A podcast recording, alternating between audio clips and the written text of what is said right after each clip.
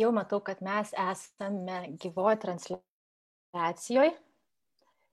E, labai sveikinuosiu, sveikinu visus prisijungusius e, į tokį įdomų eksperimentą. Atėjo laikas ir mums, Bernardinams, eiti į, ir net su video eiti į e, gyvas transliacijas Facebook'e.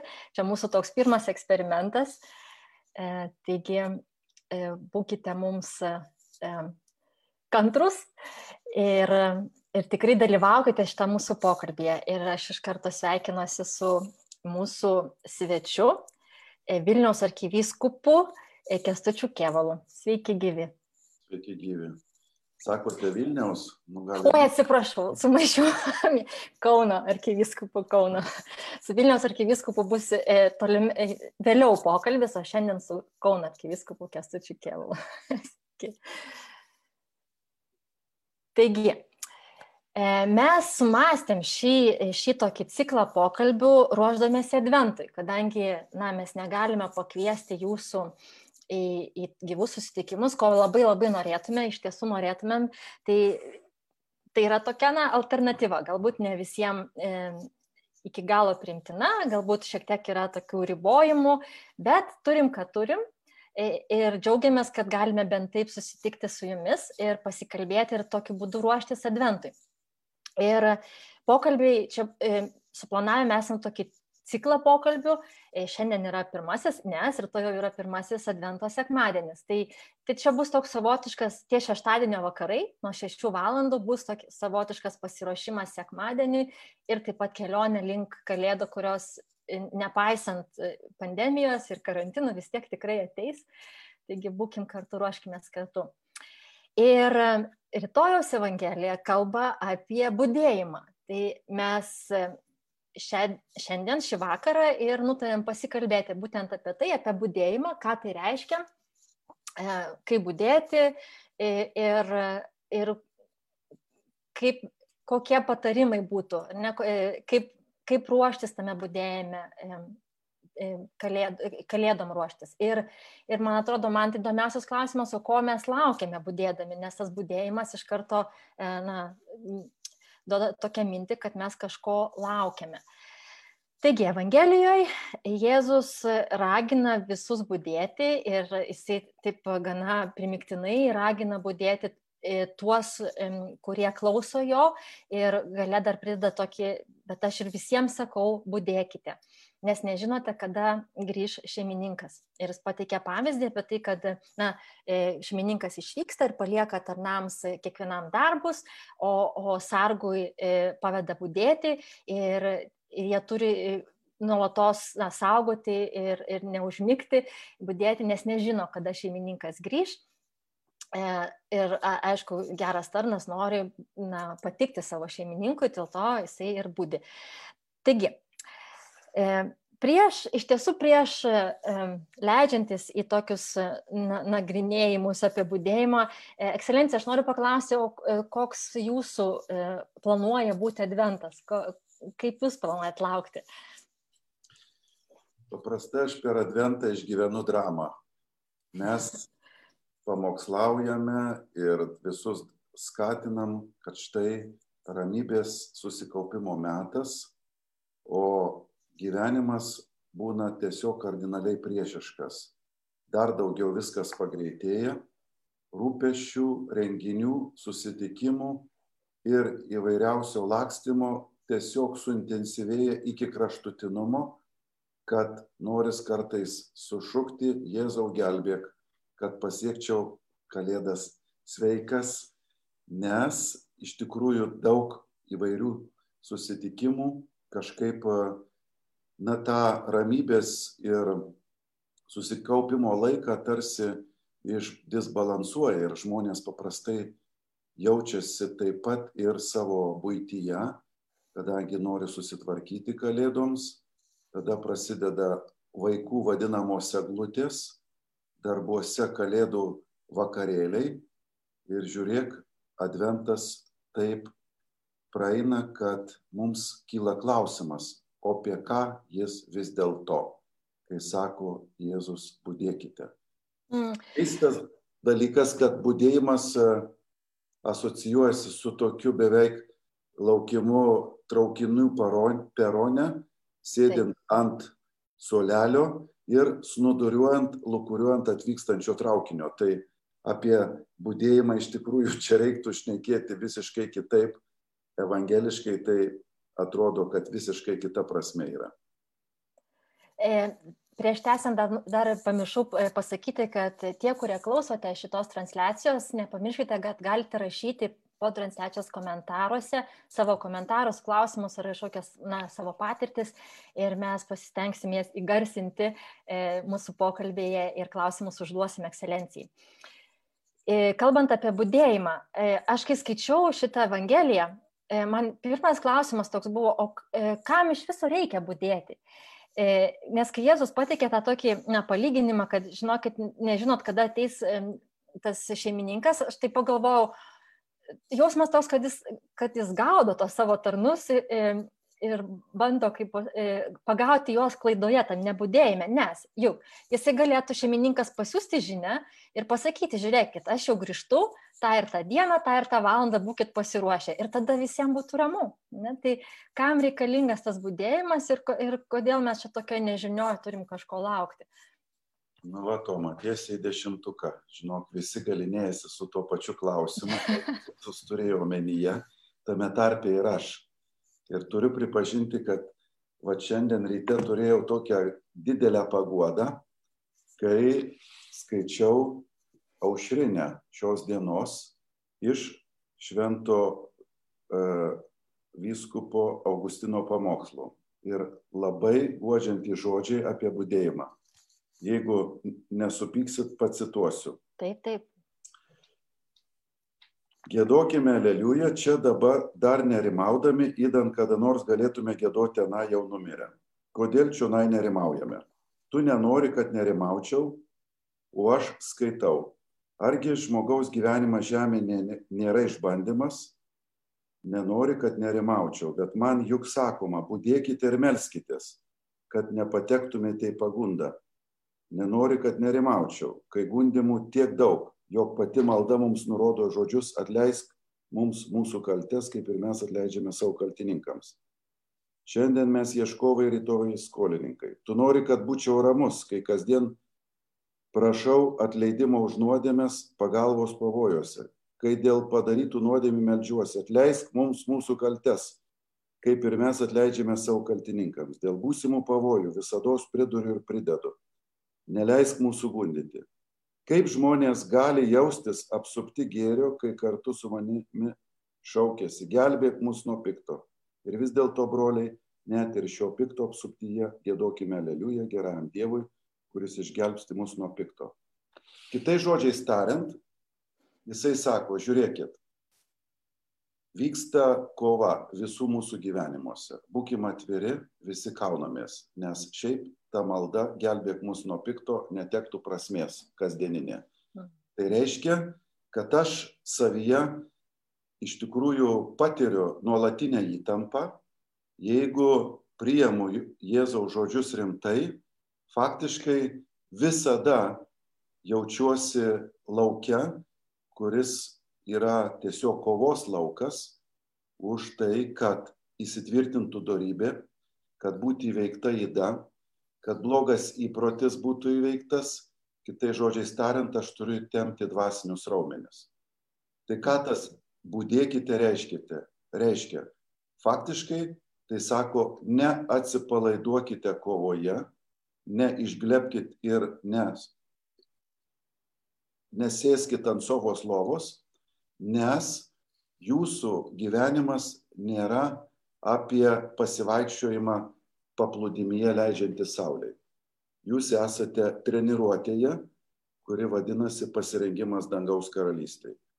Tai reiškia, jeigu tu jauti kovą, įtampą, nerimą, viskas ok, tu būdėjimo režime, pas tave įjungtas, kaip sako, laikrodis, įtemptas styga jinai sako, kad rimtai ėmė Jėzaus žodžius.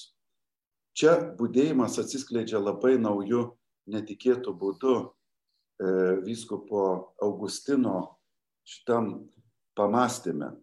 Jisai kitoje vietoje irgi labai įdomiai kalba, kad sako, mes čia visi kitiem linkim gėrio, džiaugsmo, ramybės, juk pats Jėzus net jos nepažadėjo, tai ką tu čia dabar žadė? Tai įdomus jo interpretavimo būdas ir man jisai arti, kadangi kažkaip tą advento laiką, e, kurį mes visi patiriam, kaip dažnai kova už laiką, mhm. dėl maldos, dėl staptelėjimo, kažkaip pasako, kad žinot ką, čia viskas gerai. Iš tikrųjų, jūs jau, jausdami kovą už tą, na, išplėšimą laiko maldai, esate būdėjimo režime. Jūs pasirengę, jūs šeimininkas ras sušilusius nuo, kaip čia pasakius, pastangų ir bus džiaugsmingas, kad jūs tengiatės. Tai būdėjimas labai priešingas dalykas nuduriavimui. Aš sakyčiau, mes turėtume atsikratyti šitos nuomonės, kad kai būdim, tai tik tai pasyviai laukiame, kol kažkas įvyks. Iš tikrųjų, būdėjimas tai reiškia stovėjimas, e, įstovėjimas E, gerame, o tai reiškia tam tikrą prasme kiekvienam iš mūsų kovą. Mm. Tada kyla tokių gan praktinių klausimų. Aš suprantu, jeigu mes ruošiamės dangui, kaip jūs minėjote, tai suprantu tą būdėjimą kaip būdi, na, kontemplatyvas, pavyzdžiui, vienuolės ar vienuoliai, kurie, nu, tarsi jau ir gyvena vieną koją dangui ir, ir jie tas, čia nuolatos būdi ir jų to, netgi gyvenimo ritmas yra tam, tam sukurtas, taip sudėliotas. Bet kaip su paprastai žmonėm, kokiu būdu būdėti, kad na, e, tikrai tas jau vien apie adventą galvojant, ar ne, mes visi e, apima tokia neviltis, kaip sakėt, nes daug rūpešių visokių, bet čia tai yra kvietimas ne tik adventui, aš sakyčiau, ar ne, net tai yra toksai nuolatinė tokia būsena, Tai kokiu būdu būdėti žmonėm, kurie gyvena tiesiog tokį paprastą pasaulietinį gyvenimą, arba e, netgi ne pasaulietinį, galbūt yra ir dvasininkų, kurie, na, sukasi tuose tokiuose gyvenimiškose reikaluose. Jo, užsiminėt apie kontemplatyvės vienuolės. Mums, kurie atvykstame ir iš šono stebim jas, atrodo, kad tai ramybės oazė. Bet jeigu tu geriau pažįsti jų gyvenimą, žinai, kad tas visas intensyvumas iš tikrųjų pereina į vidų, kaunantis dėl išstovėjimo ir toje pašaukimo aukštumoje. Ir aišku, tie artimi santykiai įneša tą intensyvumą kartais dar didesnį, negu mes patys turim, kurie, žinot, galim, kaip sako, lėkti laukais, jeigu mums kas nors nepatinka ir, ir išspręsti taip problemą. Tai e, Jėzaus e, šitas mums duotas, kaip čia pasakius, kvietimas, jis iš tikrųjų primena, kad e, mes turime turėti tam tikrą gyvenimo stilių, būdą. Prasideda adventas, tai liturginių metų pradžia. Jis labai primena įdomų dalyką, kad krikščionio gyvenimas turi turėti ritmą ne, va, yra pradžia nauja, kad jis turi turėti tam tikrą ritualą, kad jis turi turėti tam tikrą taisyklę, nuolatinį pasikartojimą ir tam tikrus stabilius dalykus, kurie vis iš naujo pasikartoja.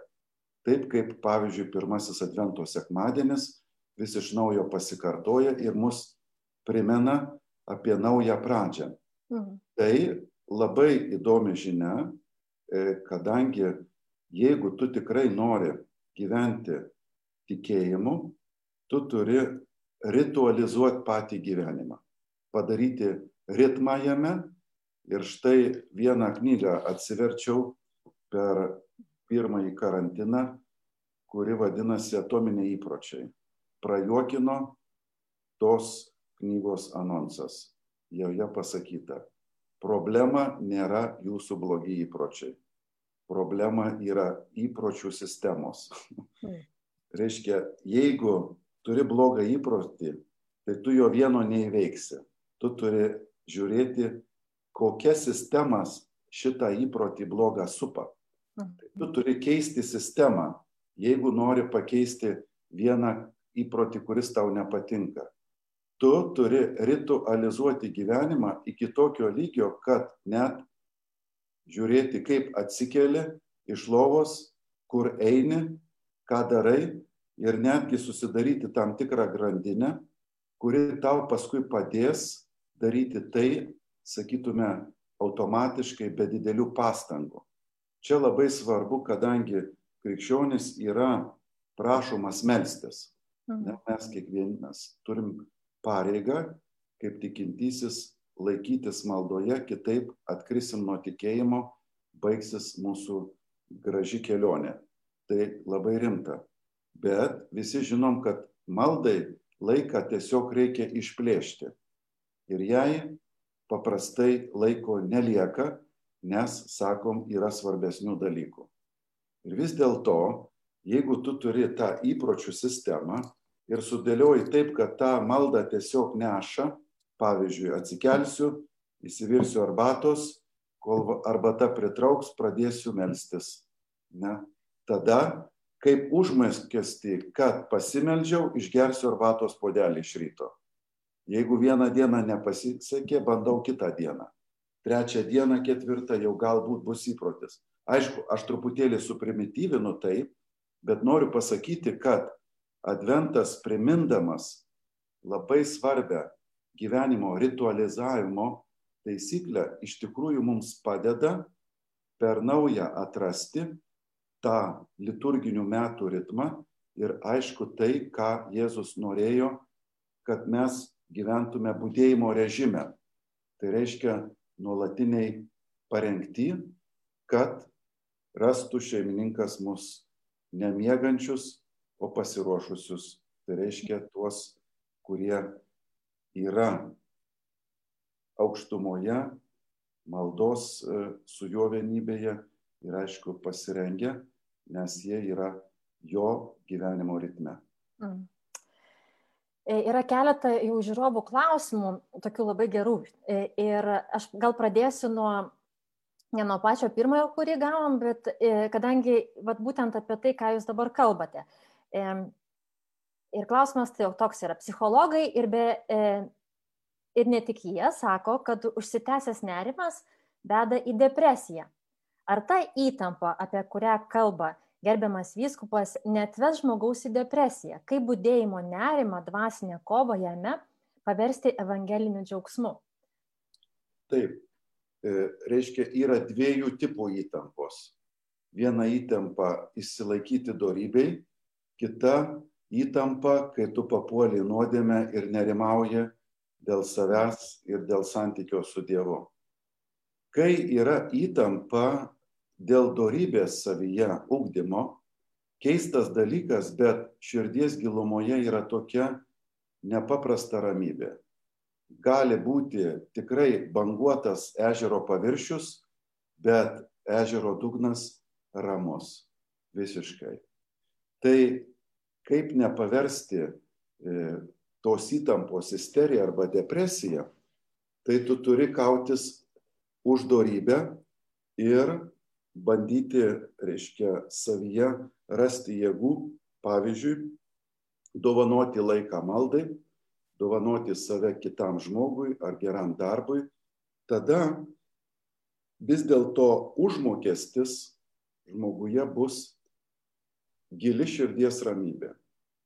Kartą vieno kontemplatyvaus vienuolio paklausiau, kasgi yra ta kontempliacija, kasgi čia per dalykas. Ir jisai, nė nemirktelėjęs, atsako, kad labiausiai kas atspindi šitą kontempliacijos, sakytume, reiškia, na, maldą, tai žodžiai nepaprasta ramybė. Mhm. Reiškia, taigi, net jeigu tu turi didelę įtampą išgyvenimą, jeigu tai už tiesą, už gėrį, už teisingumą, jeigu tai tie e, aštuonių palaiminimų apsuptis, net tas persikėjimas. dėl teisybės, ne? Džiugaukite ir linksminkitės, nes jūsų laukia didis atpildas danguje.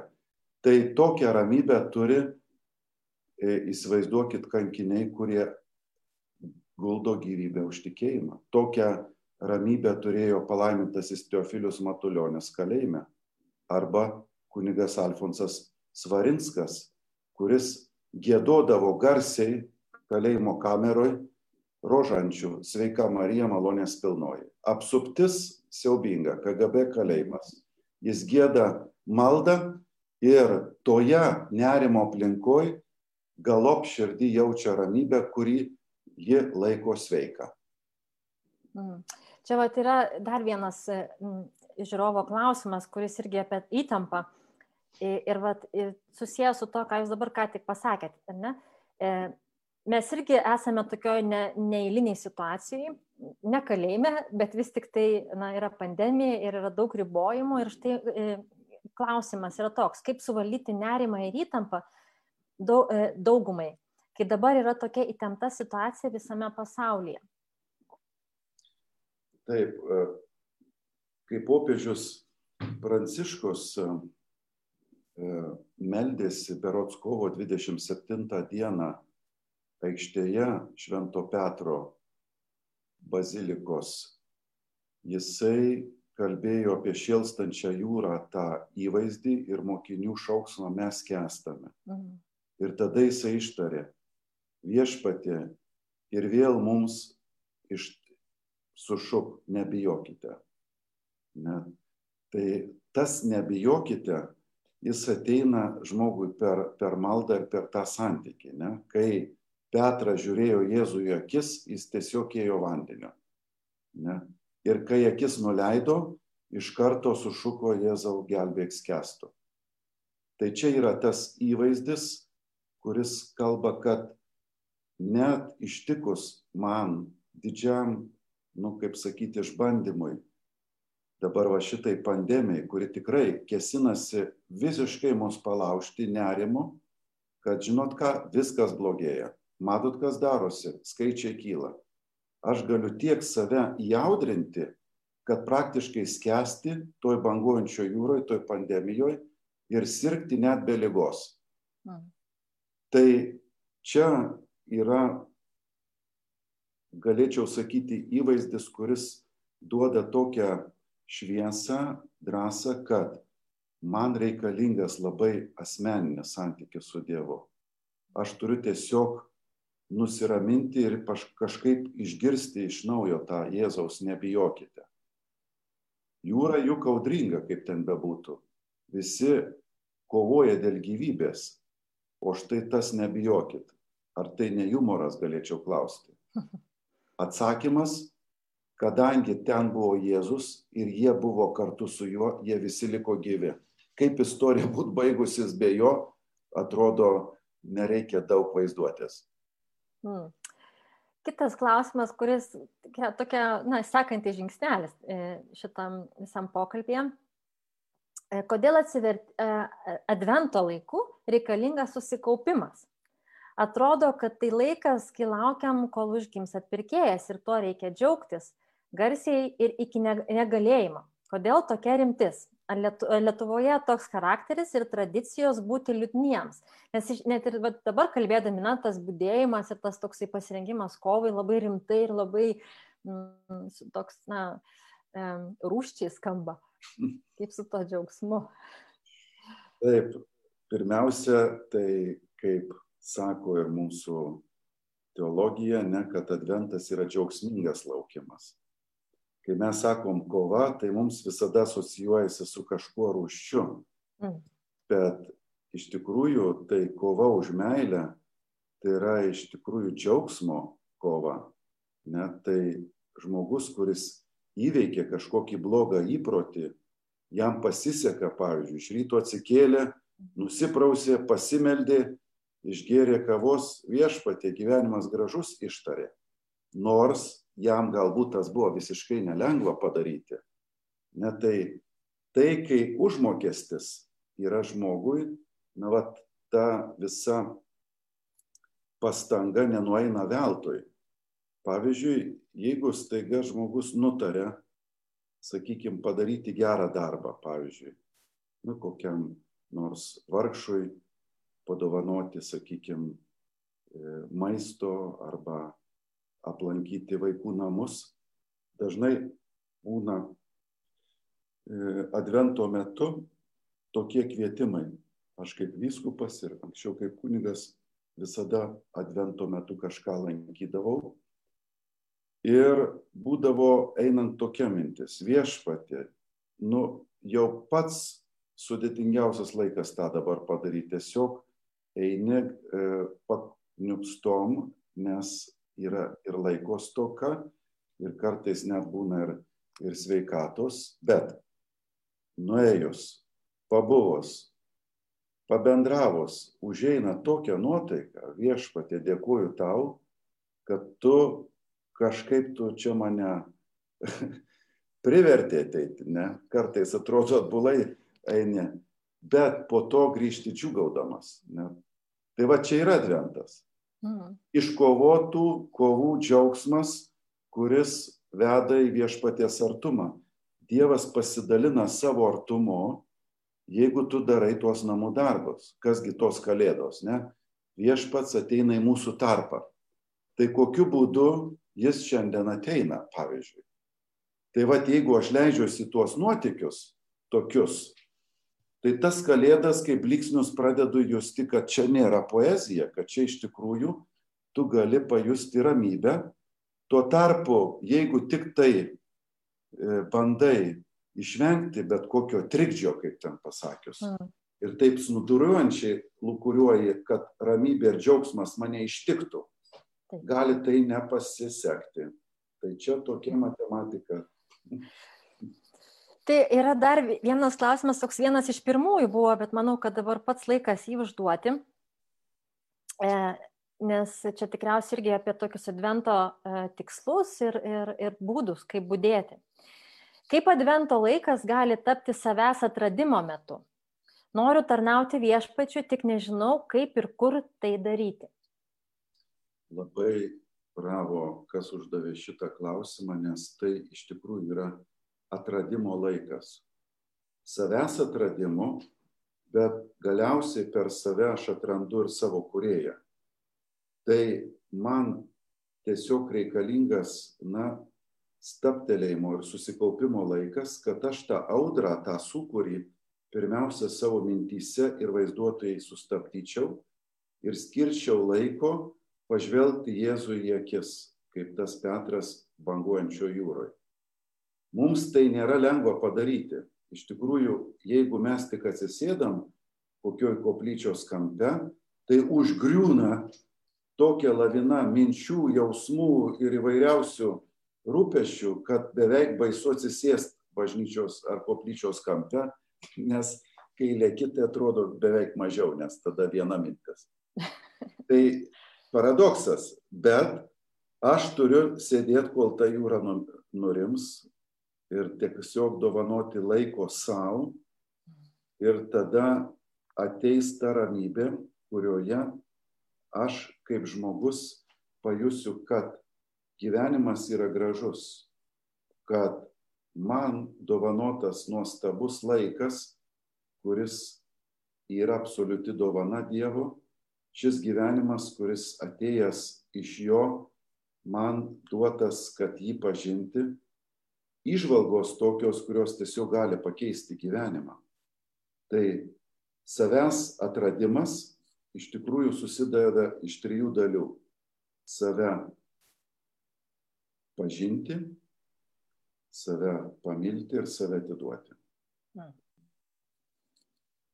Gera programa adventui. ir dar vienas toks, na, manau, kad aktualus klausimas visiems, kurie ruošiasi kalėdom ir kurie planavo e, ar turi tradiciją nuolatos susitikti per tą kalėdų laiką su savo šeimos nariais, kurie yra arčiau ar kurie yra toliau. Ir e, šiandien mes, šiais metais mes visi susidurėm su tokiu ribojimu, kai nu nelabai galime. Tai tad e, vienas žiūrovas ir užduoda klausimą. Adventas rimties metas, o kalėdos šeimos šventė kaip švęsti su artimaisiais, kaip dabar susitikti per šventes, kai ne, nerekomenduotinas metas susitikimams. Vakar dalyvavau jūsų patarimas. Nepaprastai įdomiam e, susitikime. Įsivaizduokit, reiškia, tokia grupė draugų, na, organizacija yra, jie nutarė padaryti kalėdų vakarą. Sako, per adventą bus labai sudėtinga, todėl darome prieš. Iš vakaro visiems atsiuntė tokį paketą, kuriame ten buvo žasis, įvairius ingredientai, garnyras, kitai žodžiais tariant, viskas, ko reikia vakarieniai. Tada prasidėjo, reiškia, pokalbiai ir įsivaizduokit, įsijungė šefas virtuvė ir jis moko, kaip tą žąsį kepti. Žąsį, reiškia,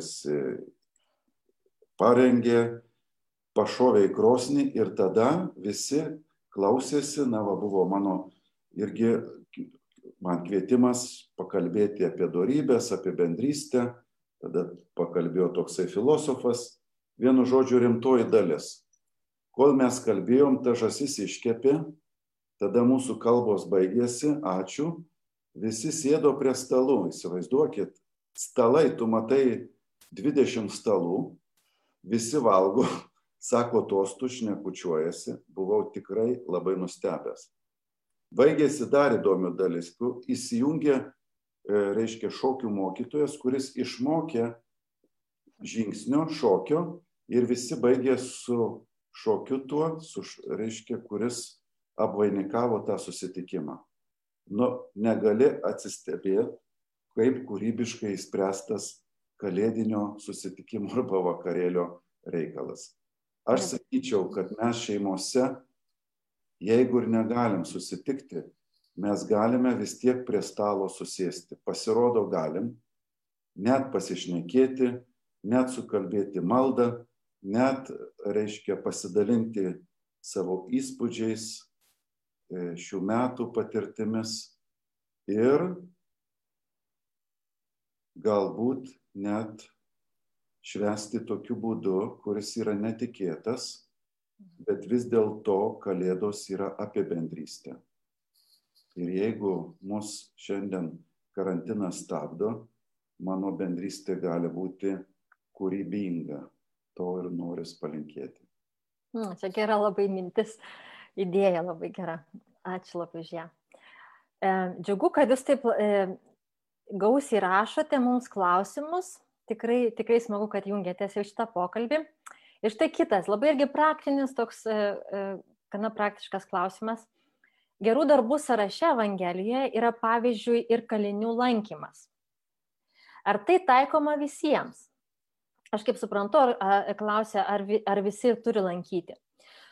Sunku įsivaizduoti, kaip reikėtų pa šios žmonės nueiti ir ar iš vis kažkas ten įsileistų. O gal šis kalinių lankymas gali būti ir malda už juos, fiziškai niekur neinant. Na va, labai įdomi patirtis mano irgi buvo, kuri buvo susijusi su aplankimu kalinių, kurie iki gyvos galvos kalė. Jūs žinot, kad tai yra už labai sunkius nusikaltimus. Na, tokia bausmė duodama, tai reiškia visi iš šitų žmonių padarė didelį nusikaltimą. Ir turiu pripažinti, kad eidamas į vyrų tarpą jaučiau nerimą. Ne, kas tai per žmonės, kuo čia tas visas baigsis. Bet staiga juos aplankius tokia ramybė ateina į širdį kurios tikrai negali įsigyti jokiais kitais būdais. Tai yra paradoksas evangelinis. Aplankyti kalinį tikrai nėra lengva, nes tai yra susiję ir su taisyklėm. Mes Kauno arkiviskupijoje turime savanorių grupę, kurią koordinuoja Kauno arkiviskupijos karitas.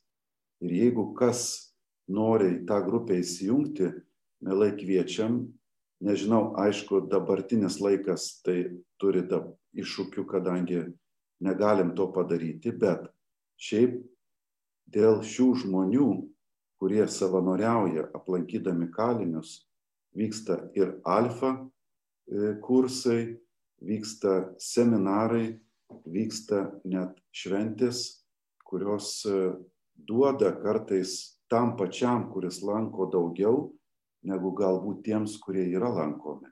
Mm. Tai aplankyti kalinį pirmiausia, aišku, yra įpareigoti tie, kurių šeimos nariai ar giminės yra patekę į tokį bėdą. Nepamiršti, kad tas žmogus vis dėlto net ir padaręs nusikaltimą, jis yra šeimos narys, giminės žmogus. Tai šie žmonės turi ypatingą pareigą. Tie, kurie jaučia pašaukimą, tikrai kviečiame pasidomėti ir burtis į tas grupės. Kartais yra kur parapijos grupelė pasiryžusi lankyti, kartais yra, kai organizuoja, kaip vat, mūsų atveju, karito iniciatyva. O kaip, kaip dėl maldos už, už kalinius? Čia klausia, ar, ar tai gali prilikti tam lankymui, jeigu nėra kitų galimybių? Jeigu nėra kitų galimybių, malda visada yra aplankimas. Mes tą gerai žinome, kadangi mes visada galima paštalauti. Ta labai gražiai liūdija šventoji kūdikėlio Jėzaus Teresė, kuri nebūdama misionierė, misionieriavo savo maldą meldėsi už misionierius, už juos aukojo e, savo įvairiausią, iškėsi, darbą vienuolynę, kartais atgailos praktikas prisimdavo. Taigi aplankimas yra įmanomas visada. Jeigu neįmanoma, mes visada tai turime galimybę per maldą. Dar vienas klausimas iš e, mūsų žiūrovų apie adventą taip pat. Kaip nugalėti save ir atleisti žmogui kuris labai skaudina savo šeimą? Mane. Juk adventas tai atleidimo metas. Prie stalo turėtume atsiprašyti vieni kitų tik nežinau kaip tai padaryti. Labai sunku. Taip labai rimtas klausimas. Ačiū. Čia nemažai žmonių kenčia nuo šios dilemos. Ar aš turiu save prievartauti mylėti kitą, kai mano visiškai jausmai ir emocijos yra priešingos. Pirmasis žingsnis tai nekaltinti ir nekeršyti. Atleidimas prasideda nuo keršto atsisakymo. Jeigu jaučiu kitam žmogui tikrai nu tokią blogą nuotaiką arba blogą norisi daryti, dėl to blogio, kurį aš gavau, sustabdymas šito pikto ciklo yra žingsnis į atleidimą. Jeigu tai pavyksta, atleidimas prasidėjo. Pirmiausia, nekeršyti, mm. tada stengtis nebekaltinti, nes mūsų pirmoji instinkto turbūt impulsas pirmasis tai kaltinimas. Ir tas labai apsunkina mano pačio širdį nes kaltinimu užsiema, kaip žinome, tas priešininkas šventajam rašte, brolių kaltintojas, vadinamas e, šetonu. Tai reiškia, kad man sustabdžius kaltinimo savyje ciklą, galiu tikrai sakyti, kad atleidimas prasidėjo. Mums atleisti iš tikrųjų nereiškia, kad turiu emociškai kažkaip visiškai jausti ramybę ar ten meilę. Tai yra apsisprendimas veiksmu, nedaryti kitam blogą. Ačiū labai už atsakymą ir labai ačiū visiems už klausimus ir, ir štai va dar vienas atkeliavo. Kaip džiaugtis gyvenimu, kai sunkiai ser, serga artimas žmogus? Kokiais žodžiais palaikyti? Tai pirmiausia, tai e, kai popiežius Pranciškus čia prieš keletą dienų pasakė, aš kai lankau ligonių, tai laikau jo ranką. Net kartais tikrai žodžių nėra, ypatingai prie sunkių lygų, kai atvejai galbūt beviltiški, palaikyti ranką, ir būti kartu. Čia pagrindinis turbūt yra mūsų nu, dovanos tikslas, kaip pabūti ir praleisti laiko. Nes lygos pirmasis turbūt palidovas yra tai vienišumas. Žmogus tampa atskirtų, nes jisai iškrenta iš to rato kasdienybės, iš bendrystės, iš savo artimųjų, net kartais rato, nes mato visi skuba. Pabūti kartu, paskaityti knygą, paklausyti muzikos arba tiesiog kartu patilėti, o gal sukalbėti tėvę mūsų, yra tas gražus bendravimas ir buvimo būdas, kai nėra lengva. Ačiū labai ir mėly žiūrovai, tikrai rašykite savo klausimus, mes juos užduosime garsiai, o kol laukiame klausimų, e, siūlau šiek tiek sugrįžti prie tos Evangelijos ir e, to būdėjimo. E, ir kitas klausimas, mes aptarėm apie tai, kas tai yra būdėjimas ir kaip būdėti, kodėl reikia būdėti ir kaip būdėti šiandieną. Bet klausimas dar yra ir toks, ko mes laukiam. Viena vertus kalėdų, tai mes jų kasmet laukiam, bet e, ir vėl tas krikščioniška tokia tradicija per tą adventą kalba ne tik apie vat, ateinančias kalėdas, bet apskritai laukimą, laukimą ko, neatsakysiu, ko mes laukiam yra paradoksas, Jėzus jau atėjęs, o mes jo vėl laukiam. Taip, taip, taip, jis gimsta kasmet ir mes vis laukiam ir laukiam. Per dalykas, taigi labai keista atrodo. Bet e, šiaip e, galbūt iš kitos pusės galima pakalbėti kaip Kalėdos kaip e, dovanų metas. Ne? Mes vieni kitiems dovanojame dovanas.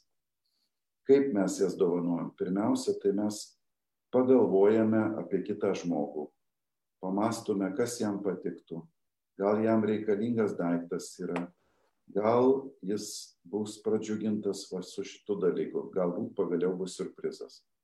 Tai žodžiais tariant, aš savo mintyse mhm. nusiteikiu, mastau, galvoju apie tą žmogų, jeigu tikrai noriu jam pataikyti dovaną, pradžiuginti. Tai čia panašiai yra su Jėzumi. Pirmiausia, aš apie jį pagalvoju. Jis vis dėlto atėjo mane aplankyti, tai reiškia, laukia mano iniciatyvos dabar. Kokia geriausia jam dovana. Ogi rimtai imti jo kvietimą, jo e, pasiūlymus, pavyzdžiui, tą palaiminimo kalno pamokslę sąrašą. Mm gal ką nors galiu nuveikti tam sąraše. Žinau, kad visko aš iš karto nepavyks man pasiekti, tai žinome, kad čia laikas gali būti, kad štai noriu įsigyti, pavyzdžiui, naują įprotį kokį nors. Pakankamas laikas, kad įprotis įsitvirtintų. Tai reiškia, kodėl aš jį noriu daryti. Pirmiausia, aš galvoju apie Jėzų kuris nori man padovanoti naują kokybę. Tada aš darau pastangą, galbūt išeinu į kovą ir bandau įsigyti tą perlą, ne tą palaiminimą, kurį kaip įprotį įgyjas dovanoju Jėzui per Kalėdas, tokiu būdu patirdamas jo artumą. Jas įveikta, padaryta, pasisekė, ačiū Dievui, dėkoju tau Dievui. Va šitos nuotaikos iš tikrųjų Jėzus norėjo ir Kolėdų šventės prasme yra visgi apie tai. Jam nieko netrūksta. Jis jau yra šalia, bet man tai yra kelionė.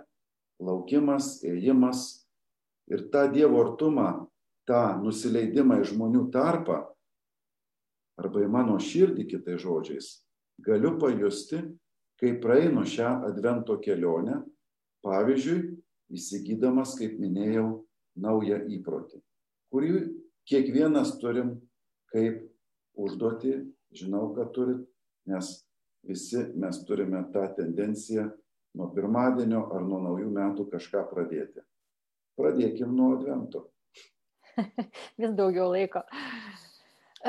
Bet vis tiek jis nepaminėjo to pasaulio pabaigos, kurios vis tiek irgi laukiam ir kažkaip adventas primena tą pasaulio pabaigą.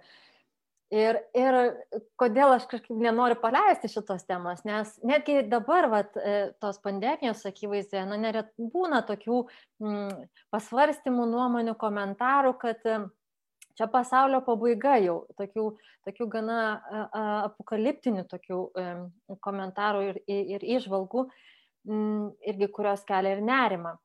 E, tuo tarpu ir Evangelijoje nekarta Jėzus apie pasaulio pabaigą kalba, ne, kad nu, turi, mes nežinom, kada jinai ateis, mes turime jos laukti ir būdėti, tai va čia su to būdėjimu vėl susiję. Tai, tai, va, tai tiesiog galbūt verta irgi pakalbėti apie tai, kas tai yra ir, ir ar tikrai bus tokia ta baisi pasaulio pabaiga. Nes, nu, nes jeigu Evangelija, nu, Biblijos skaitytumėm apie tokias pranašystės, kaip ta pasaulio pabaiga atrodytų, nu, tai yra ir tikrai labai baisus vaizdas. Ir, ir tokie sunkumai, kurie apima visą pasaulį. Ne, na, mes patiškai visi esam dabar susiję ir toj pačioj situacijai mm, pandemijos dėka.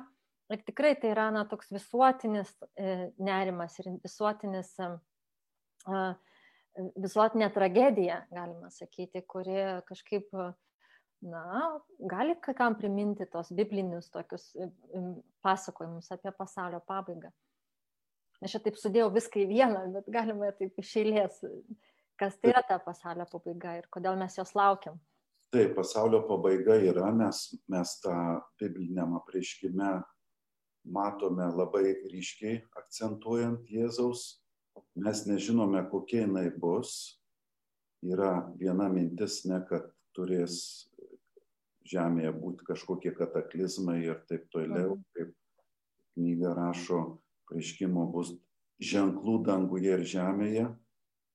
Teologai modernus turi pamastymų, kad tai bus toks laipsniškas žmonijos perkeitimas, kuris pereimamas, pereimamas pasak švento paštalo Pauliaus būsime į, įimti arba įtraukti ne į tą naują tikrovę, tai kokia ji bebūtų, arba kokia ta pabaiga beatrodytų, reiškia, žmogus šiaip turėtų, e, ypač krikščionis, mąstyti apie pasaulio pabaigą ne kaip apie tragišką baigti, ką aš vargšas darysiu, mm.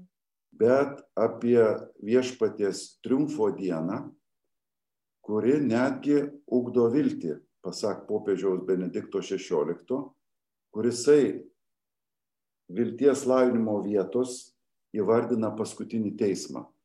Aš beveik buvau šokiruotas. Nu jau žinai, atsiprašau, kas kas, bet tikrai ne paskutinis teismas vilties lavinimo vieta. Bet skaitant toliau, labai simpatiškas tekstas.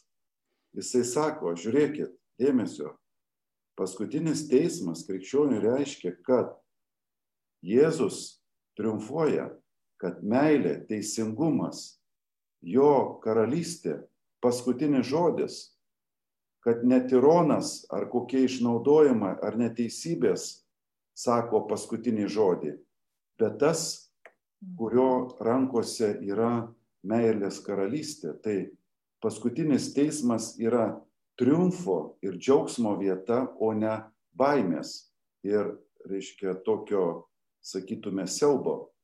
Mhm. Aišku, jeigu žmogus gyvena priešingą gyvenimą Jėzaus nuotaikai, tai jam neišvengiamai šitas sukelia baises, reiškia, asociacijas. Ką aš vargšas darysiu, kai prieš viešpatį stovėsiu. Gražita labai gesmė, labai teisinga. Ką mes darysim vargšai?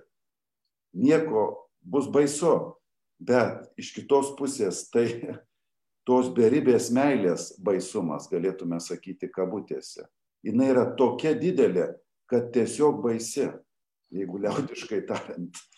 Tai mes sproksime iš, iš to džiaugsmo ir jeigu tu būsi nepasiruošęs, nu tai tavo sprogimas skausmingas bus, bet iš kitos pusės turiu mąstyti apie pasaulio pabaigą pozityviau.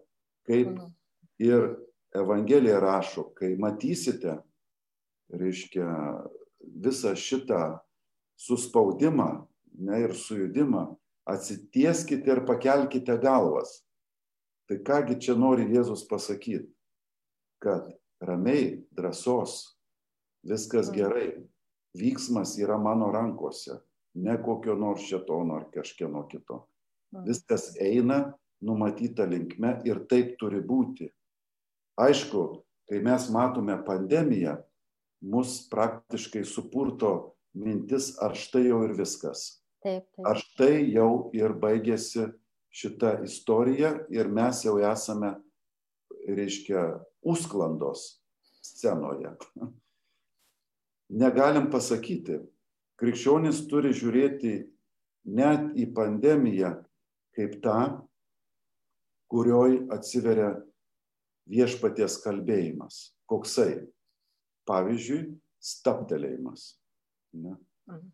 Bandymas reiškia pagalvoti apie gyvenimo prasme ir tikslą. Mhm. Žiūrėkit, gyvenimas yra traku, trapus. Nelakstykit ir nedurnavokit, nes tai rimta.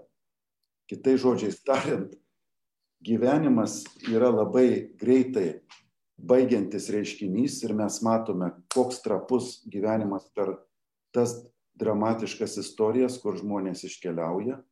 Taip, kad viskas yra labai rimta ir šiuo metu atsitieskit ir pakelkit galvas ir raitokitės rankovės darbui su savim dėl meilės karalystės. Mm. Ačiū. Tai aš teisingai supratau, kad um, svarstydami, ar čia jau pasaulio pabaiga ar dar ne, toji pandemija ir ta šiandieninė situacija, mes truputėlį per, per daug save apkraunam to mintim. Ir, ir, ir kad neverta apie tai galvoti, jinai vis tiek ateis kažkada, bet susikoncentruoti tai, ką galima šiandien ir dabar padaryti. Taip. Pandemija iš tikrųjų yra krizė, bet kaip žinom, graikiškas žodis krizė kalba taip pat ir apie galimybę.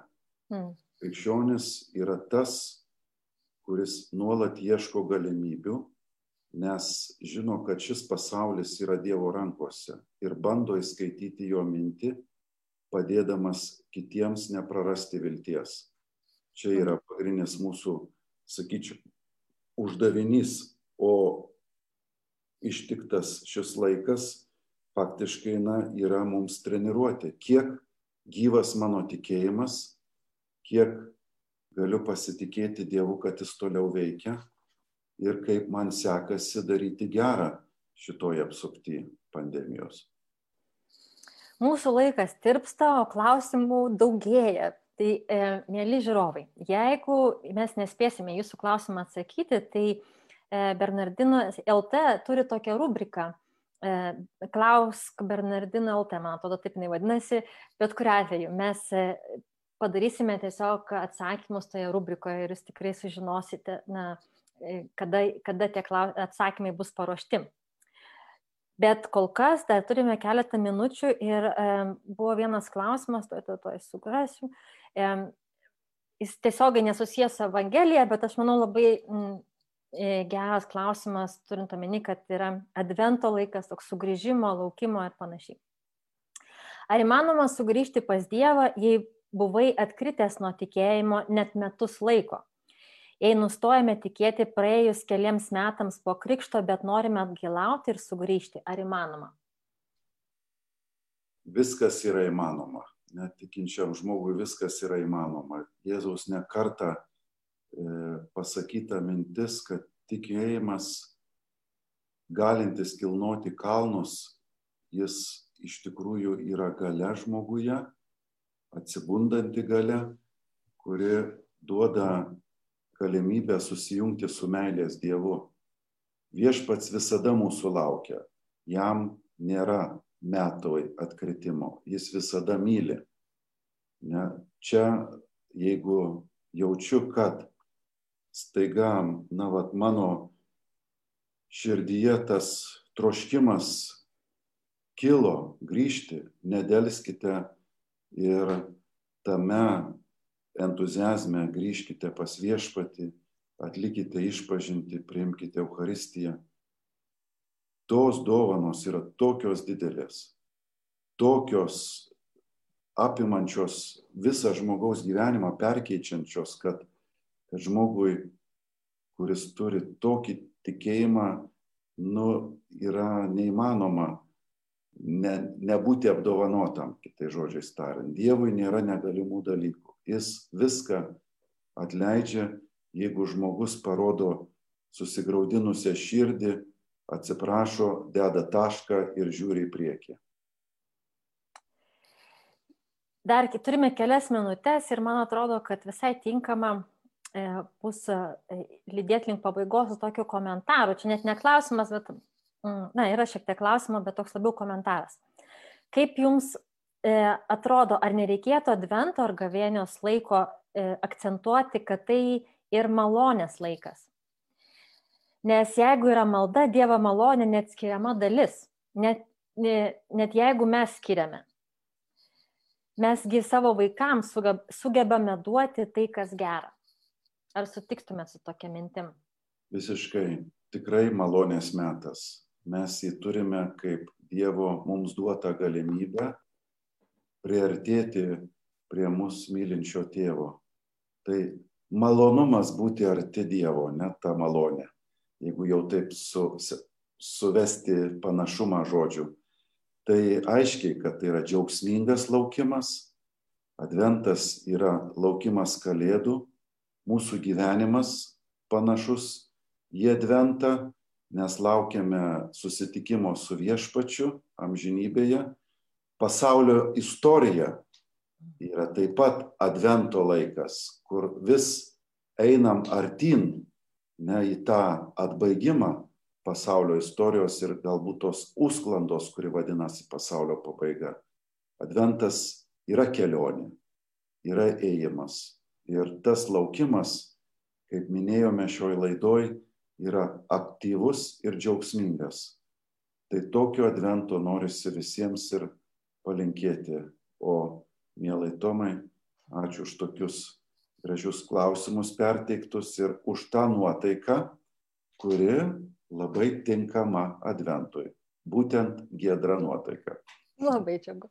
Tai ačiū Jums, kad sutikote su mumis pasikalbėti ir dalyvauti šitam Bernardinai LT eksperimente, Advento pokalbiuose. Ir ačiū, kad pradėjote šitą visą ciklą tikrai taip gedrai ir, ir, ir labai adventiškai. E, man atrodo, kad E, tas pokalbis padės džiugiai laukti, rimtai, būdinčiai, bet džiugiai, būdėti su džiaugsmu.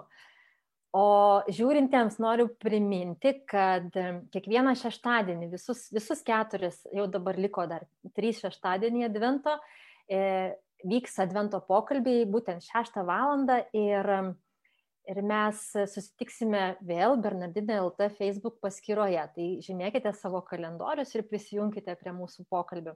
Ir visą informaciją galite rasti ir puslapyje ir mes tikrai priminsime dar e, apie šios pokalbius ir e, Facebook paskyroje. Dar kartą ačiū labai ekscelencija Jums ir ačiū visiems, kurie uždavėt klausimus. Tų, kurių neatsakėme, mes atsakysime kitais būdais, tikrai. E, ir, ir sakau visiems su Dievu ramybės ir džiugaus laukimo ir susitiksime kitose pokalbiuose. Sudėjau visiems. Sudėjau.